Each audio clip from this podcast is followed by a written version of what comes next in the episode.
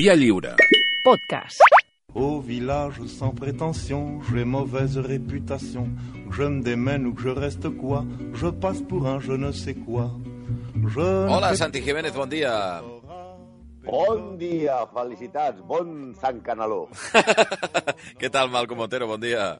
Molt bon dia. Bueno, eh, dia de Sant Esteve i, a més a més, um, estava pensant que, que, que, clar, és un horari una mica estrany per, per tota la gent que són incondicionals del, dels il·lustres execrables, perquè pot ser, o bé, que ens estiguin sentint ara mateix, si no és que és per podcast, eh, a, a quarts de vuit del matí o bé a quarts de tres de la tarda. Per tant, eh, bueno, o, o ja estan en fase canalons, s'estan tirant avall, o estem en fase encara alguns que, que, que tot just encara no s'han ni llevat. Per tant, eh, això- salutacions a tots ells. Salutacions a tothom i penseu que quantes vegades més ho escolteu i s'emeti, més vegades cobrarem. Aneu per clics. Eh? Aneu per clics, està bé. Bé, avui és, és especial Sant Esteve o no? Sí, home, evidentment no podíem, no podíem faltar a una cita tan nostrada d'aquesta terra de canalons en, les que, en la que vivim. I avui farem un especial Sant Esteve. I, i l'últim de l'any, no? Sí, Sí. sí, sí, clar, Clar, clar. per això. Sí, sí. Ah, per tant, és una, eh, un any, un any en què, poca, poca broma, eh? ens hem quedat sense bars, sense sortir de nit. No hem anat al celler de Can Roca, com No. a mínim el Malcom i jo. No, no, no, ni jo tampoc, ni jo tampoc. Ara mateix, tu ara mateix estàs allà, No, aquí, que no, per, que no. la segona plata de Canalons. Que no, que no, que no hi he anat, no. El Malcom s'ha quedat sense embotits bondó. Sí, senyor. Va agafar el Covid, va perdre la veu. El Barça ha fet... Bueno, el Barça millor no en parlem. I, per tant, és veritat que volíem fer una cosa diferent, perquè el nostre execrable d'avui, que seran varios, serà eh, una mica Sálvame Deluxe. Però abans farem un repàs tipus 1, 2, 3, responda otra vez, eh, en el que, Xavi, tu ens has d'ajudar. Tu faràs de Kiko Ledgar, o de. Mayra Gómez Kemp, o de. Jordi Estadella. Perquè aquesta I és la música, eh? Perdona, és aquella música que... Puja, puja. Ara. Sí. I jo el que he de fer és presentar, eh? I vosaltres... Tu us Eh... presentes com a pareja de concursants. Vale. Endavant. Vale. Por cero pesetas, un, dos, tres, responde otra vez. Esteves, vius o morts, que són execrables. Steve Jobs, per no dutxar-se, per porc. Steve Tyler, per alimentar els camells més que els Reis Mags. Es va gastar un milió de dòlars en cocaïna, més o menys el que es gasta un titi en Whoppers. Steve McQueen, per ser un company odiós i un cretí. Stephen Hawking, per ser més màrqueting que ciència. Esteban González Pons, per la seva vinculació amb la Gürtel, el cas Fórmula 1 i per dir que Franco no importava als espanyols. Vaja, per tot. Stefano Gabbana, el la Dolce, per dir que Selena Gómez és lletja. I per sinòfob, és a dir, que odia els xinesos. Després de fer una campanya racista va dir que la Xina era un país de merda i que era un país pudent i mafiós. Després va dir que li havien hackejat el compte. Hombre. Però no, és, és un idiota. Sí. Steve Nicks, la de Fleetwood Mac, per taradeta i perquè li agrada comunicar-se amb la Ouija, amb lo fàcil que és el WhatsApp.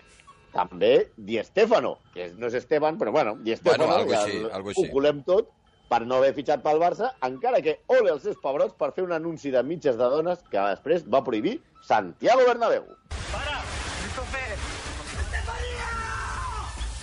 Yo no me jodas, me cago en la puta. Què és això?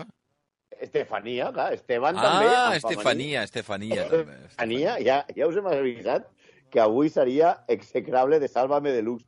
I és que avui, eh, eh, aprofitant que és Sant Esteve, li donarem pel pèl a la família Grimaldi. I preguntareu, per què la família Grimaldi té a veure amb l'Estefania? Doncs pues per una cosa molt patillera. Perquè hi havia un Estefano i una Estefania!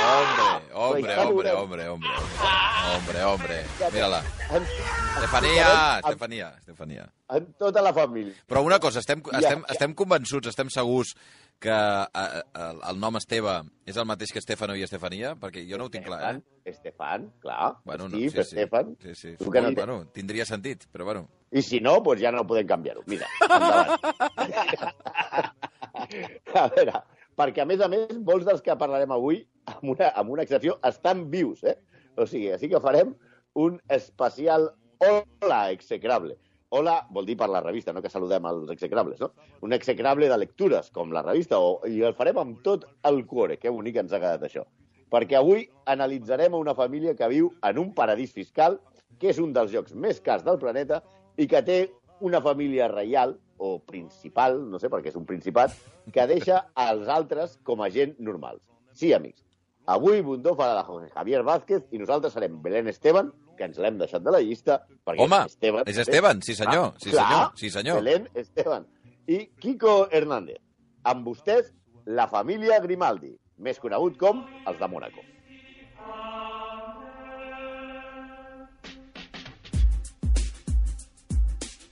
Uh, tu ets molt jove, però hi va haver una època que Enigma sonava a les discoteques. Nosaltres ballàvem això. Ah, sí? Que, a gregorià amb ritmes tecno. Bueno, va haver-hi, va haver-hi, sí, tens raó, tens raó que va haver-hi una època que, que es va posar com de moda, no? Que tot eren versions de, gre de gregorians, que podia ser música tecno o música electrònica, però, però jo què sé, grans, grans cançons pop o rock les readaptaven als gregorians, que no sé d'on va venir la, la cosa. Però bueno, es va posar Sí, com de moda a nivell mundial. Silos. Sí senyor, los de Silos, sí senyor. No sé si van guanyar Grammys i tot, o en fi. Grammys és el que es fotien. Noi, escolta'm, fes el favor, fes el favor. Posar, posar aquesta música té un sentit, ja, ja veuràs. L'origen dels, dels, del Grimaldi és ben curiós. L'arribada dels, dels Grimaldi a l'anomenada Roca de Mònaco Mm. comença en la lluita entre els Guelfs, que no tenen orelles punxegudes ni parlen guèlfic, eh? Ah, I que, Wells. que són els, a la casa Guelf de Baviera. Sí, I els gibelins, Gibalins. que això és el segle XIII, que són els que de la, de la casa Hohenstaufen de Suàbia Uh i que donaven eh, un, un suport a l'im- a l'imperi i els altres al papa. Val, de eren Mónaco- els, els Welf de Baviera i els altres els Hohenstaufen de, Hohenstaufen, sí. de, de Suàbia. Ens Sí. estem inventant tot, eh? Hohenstaufen, sí. Hohenstaufen, és això. Hohenstaufen, sí, sí, home. La, la roca de Mònaco era un punt estratègic. I els gibelins, amb un tal Fulco del Castello, van construir una fortalesa que era pràcticament inexpug- inexpugnable. Uh -huh. Però, el 1297, els Guelfs, liderats per Francesco Grimaldi, Grimaldi i, segons sembla, Rainier I, amb un grup d'homes, es van disfressar de monjos Oh, i van entrar al castell i van matar a tothom que estava dormint. oh, Això és Joc de Trons, eh? oh, i tant, i tant, i tant, i tant. Cantant, cantant com los monjes de Silos. Sí, sí. Tu entres allà amb la Pau i zas! I vinga, a tallar colls, eh? Exacte. Francesco va estar només 4 anys, però sí que es va quedar eh, el seu familiar Rainier I i així comença la dinastia Grimaldi. Si busqueu a internet a l'escut dels Grimaldi, Sí. veureu dos tipus amb barba hipster, vestit de monjos i amb espases. No fotis. Molt, tranqui molt tranquil·litzador. Dos tipus amb barba i amb espases. Hosti, a veure, vaig a veure si veig l'escut aquest. O sigui, a l'actual escut dels Grimaldi De- apela Exacte, eh, a, aquesta història. aquesta història de, bueno, fundacional, diguem. Oh, sí, sí, sí, que estic veient aquí. Però quina mala llet tenen. Sí, sí, Clar. Se'ls veu els Eh, monjos allà amb una espasa, però aixecada, eh? No allò ni amagat ni res i tal. No, no, no. S'estan a punt Ah, d'hostiar. Fins aquí, ara acabarem amb la part d'història, la part seriosa, i de, de seguida arriba l'aquí i tomat, eh? Però cal explicar la llegenda de la mala sort, i no té res a veure amb el Barça, que acompanya els Grimaldi des d'aquesta des d'aquesta acció bèl·lica del segle XIII. La llegenda diu que Rainier va segrestar i va violar a una donzella que sabia de bruixeria i, la, i va maleir a tota la família dient que els, que els hi passarien totes les desgràcies. Que realment, si tu mires la història d'aquesta família, els hi han passat i es veu que tot ve d'aquest moment. No?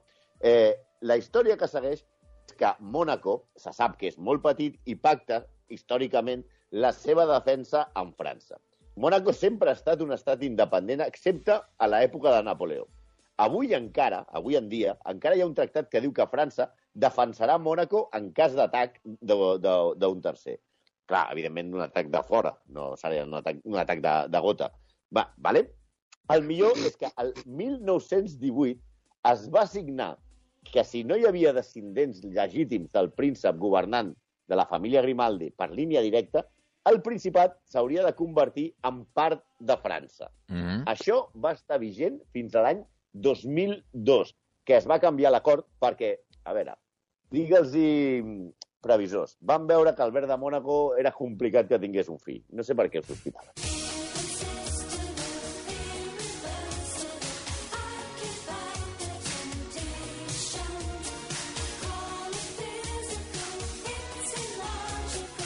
No. Què és això? Què és aquesta música? Això és Estefania cantant. Estefania de Mònaco, cantant? Clar. Ah. cantant. Aquesta cançó la cantava en francès i en anglès i va vendre aquest tema més de 2 milions de còpies. 2 milions. Uf, I, de fet, és un dels senzills més venuts a França de tots els temps. que fort. Aquesta Estefania, aquí on la veus, va gravar una cançó amb Michael Jackson, In the Closet, que va aconseguir el top 10 als Estats Units. El disc només surt com Mystery Girl i no es va descobrir fi- fins anys després que, que era ella. Però anem amb el moment Jaime Peñafiel i anem a analitzar els perfils dels nòvios d'Estefania, perquè va per perfils. Un perfil és el de fill d'actor famós o actor famós. El seu primer xicot va ser Paul Belmondo, que òbviament era fill de Joan Paul Belmondo. Sí. El segon, Anthony Delon, que era fill d'Alain Delon. Si hagués trigat a Espanya, hagués estat el fill de López Vázquez i el de Mariano Ceres.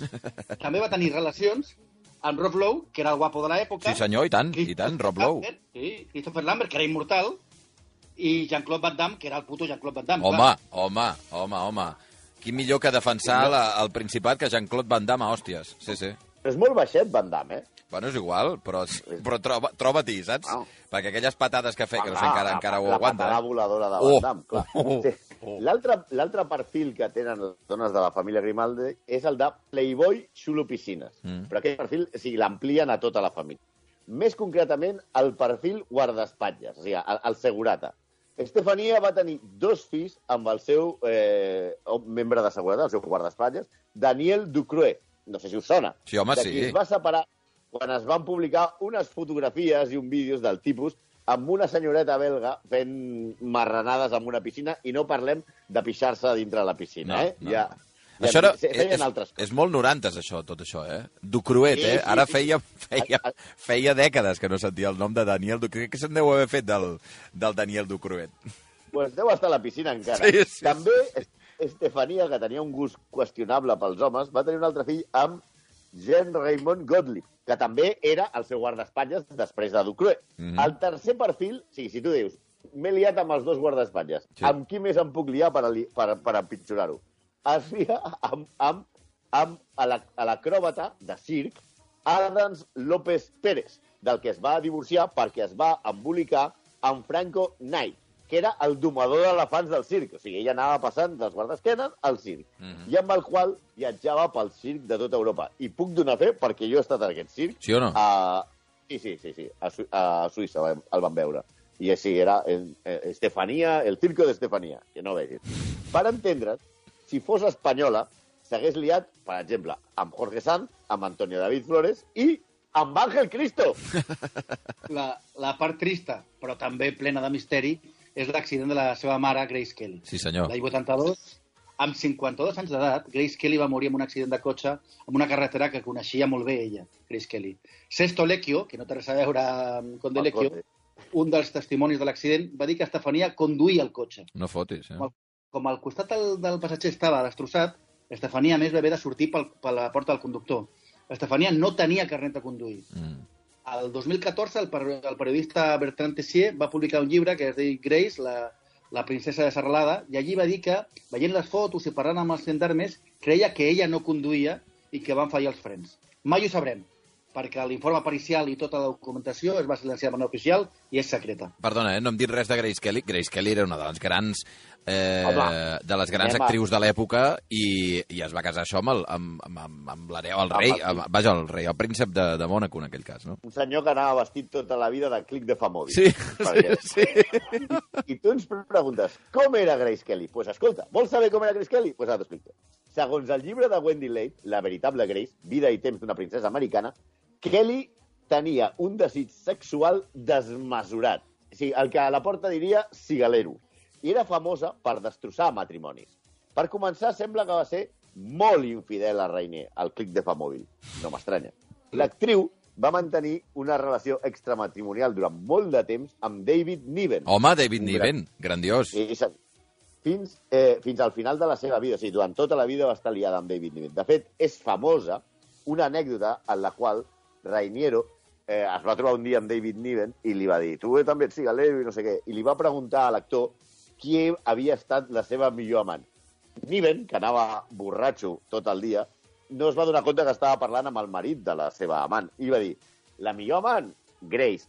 I va dir, bueno, Grace, Grace Fields, Ui, ui, ui. una altra Grace, no la teva, eh? Oi, oi, oi, oi, oi, oi, oi, va haver de, de rectificar... Quina frenada. A, a, en un moment. El, el, el seu gens idíl·lic matrimoni de, de Rainier i, i Grace Kelly va començar amb un examen mèdic que el van obligar a passar a Grace Kelly per demostrar que era fèrtil i podia un hereu al tro. O sigui, que era, No el que era important era que, que pogués tenir fills, clar, perquè, perquè la- la- l'herència de, de tot el Principat depenia de Mònaco, depenia de, de que pogués tenir fills. Per tant, li fan la Exacte. prova, ja només per si no començar. hi havia un hereu, si no hi havia un hereu, aleshores eh, Mònaco passava a, a ser França. Clar, clar. Aleshores, eh, l'actriu va passar l'anàlisi sense problema, va demostrar que era fèrtil, però els metges es van adonar o que no era verge, cosa Home. que es veu que els importava molt. La conservadoríssima família Grimaldi no podia acceptar això. Així que ella i la seva família van explicar, van aduir, que tot era fruit d'un accident d'equitació. Oh, o sigui, que s'havia caigut del cavall. Brutal. Bueno, bueno, la mentida la van donar per bona, però també s'ha de dir que els Grimaldi pro- procedeixen, com hem vist abans del segle XIII, de la violació del primer reiner a una donzella. Mm. Per tant, tampoc es poden queixar ni posar massa problemes. Sí, sí. La, la fama aquesta de trencar matrimonis comença amb Kelly de jove. Wendy Lake explica que el seu professor d'art dramàtic a Nova York va ser Don Richardson, el director, i que ell la va convidar a casa seva, va anar a la cuina a preparar un cafè i quan va tornar ella estava completament nua. Don diria després, semblava un tanc del general Patton, freda com l'acer. Quan la seva mare va saber que sortia amb Don, que era un home casat, eh, li va explicar al seu fill que es va presentar amb tres amics catxes de gimnàs a casa de Richardson per espantar-lo. Per cert, Grace perdona, eh, que estava, estava mirant les, la, les, uh, les edats i els anys i tot això. Clar, és que es va casar amb 26 o 27 anys, aquesta senyora. Vull dir que tenia 26 o senyora- 27 amb Reiniero. Senyora que s'ha de dir que era guapíssima. Bueno, sí, sí, espectacular, que Una de preciosa. les dones més guapes que hi ha hagut al món del cinema, El, eh? el que vull dir és que, sent una actriu de cinema reconeguda i amb 26-27 anys, pretendre que era verge, a veure, que sí que poden passar aquestes coses, eh? Però, els, però, en fi. Grimaldi, els Grimaldi ja se sap. Ah, són. sí, sí. És una gent que va vestida de clic de Sí, famós. sí, sí, sí, sí, és el més important. Però clar, eh, i ella, a més a més, havia tingut eh, multitud de, de, de, de nòvios, els més famosos de Hollywood d'aquella època. Claire Gable va estar eh, quan van anar a rodar a Mombo, Àfrica, que, de fet, volia anar-se'n al llit amb Ava Gardner, no, tampoc digue-li tonto, però a Ava Gardner no li agradava Clark Gable perquè va dir que, li, que tenia mal alè. Cuidado, eh? Uh, La litosi va fer que Clark Gable no anés amb Ava Gardner i aleshores se'n va anar a Grace Kelly com a segon plat. També és molt famosa la intervenció de Grace Kelly, intervenció, eh, influència, sí. de Grace Kelly en el divorci de l'actor Ray Milland, després d'estar de, amb ell quan van fer junts la pel·lícula de Hitchcock Crim Perfecte. Grace va mm, començar a notar que moltes dones la tractaven com una empastada perquè cada vegada que arribava es fotia al llit amb el marit que tenia. Va haver de fer fins i tot una roda de premsa per demanar perdó públicament per destrossar matrimonis, concretament el de Ray Milland. Ella va dir a la roda de premsa he fet una cosa abominable. M'he enamorat d'un home casat. Estic desesperada i no tornaré a fer res igual. És, lo siento, no volverà a passar. O sigui, que ja sembla que tots els, de, la, els de les cases reials sempre acaben demanant perdó. Hosti.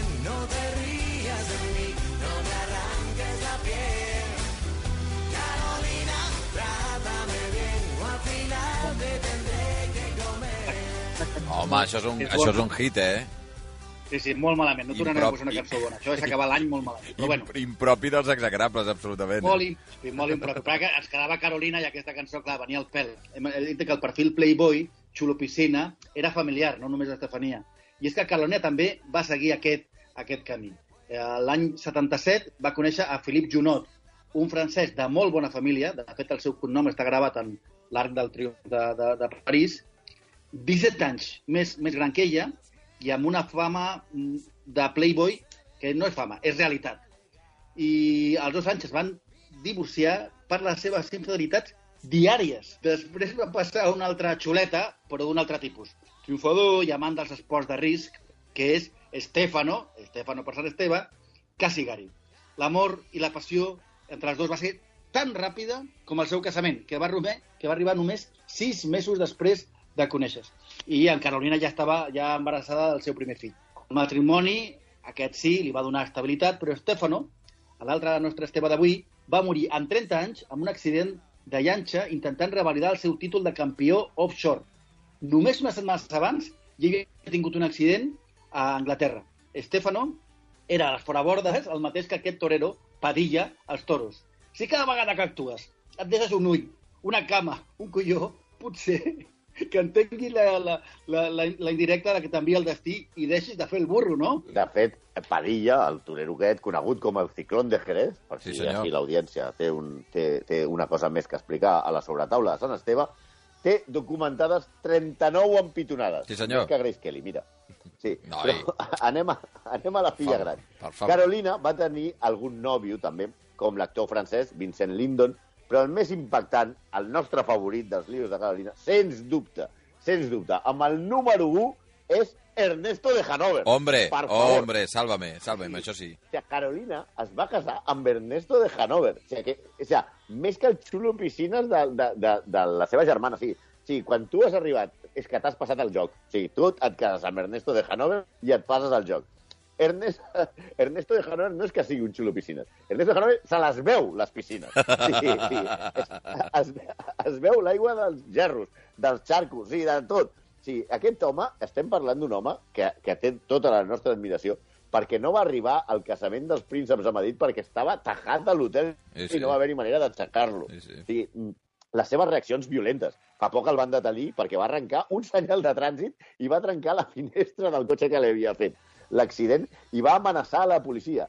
Els seus atacs a la premsa, que surten corrents cada vegada que el veuen. I, a més a més, és un tio que, quan va atacar, es pixa... eh, Li és igual on estigui. Al casament del rei d'Espanya, que té ganes de pixar, pues, es treu la xorrica Escolta. i pixa a la jardinera. O sigui, un- un autèntic jefazo.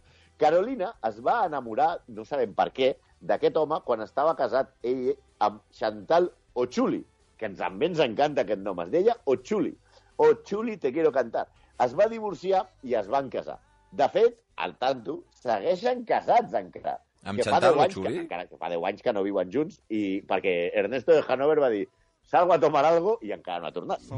I això és tot en el dia que felicitem a tots els Esteves.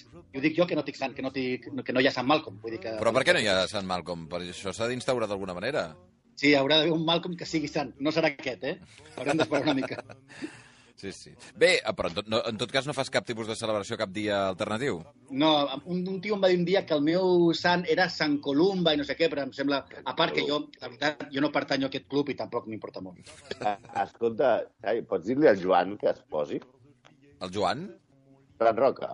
Ah, Que escolta, saludar. que no hi ha Joan Roca ni hi ha res. Ja, bé, vam parlar-hi amb ell A fa... veure, no ens enganyes. fa uns quants- Tu ara que, Fa uns quants els dies. canalons del celler de Can Roca No. estan bons, eh? No, sí, dona'ns enveja. Pots, de, pots descriure els canalons? De veritat, deixeu-me en pau, que ni, ni, ni, no he estat mai al celler de Can Roca i, i continuo dient-ho, no passa res, no passa res. Joan, salutacions. salutacions, Joan. Seria molt fort que ara saludés, eh? Imagina. No, no, ah, el deus tenir a la cuina fotent, No, home, no. fotent plates No, al forn. Va, aneu passant ja, pesats. Bon Sant Esteve. Ja. Apa. Vois le thé, Tout le monde viendra me voir pendu, sauf les aveugles, bien entendu. Via Lliure, amb Xavi Bundó.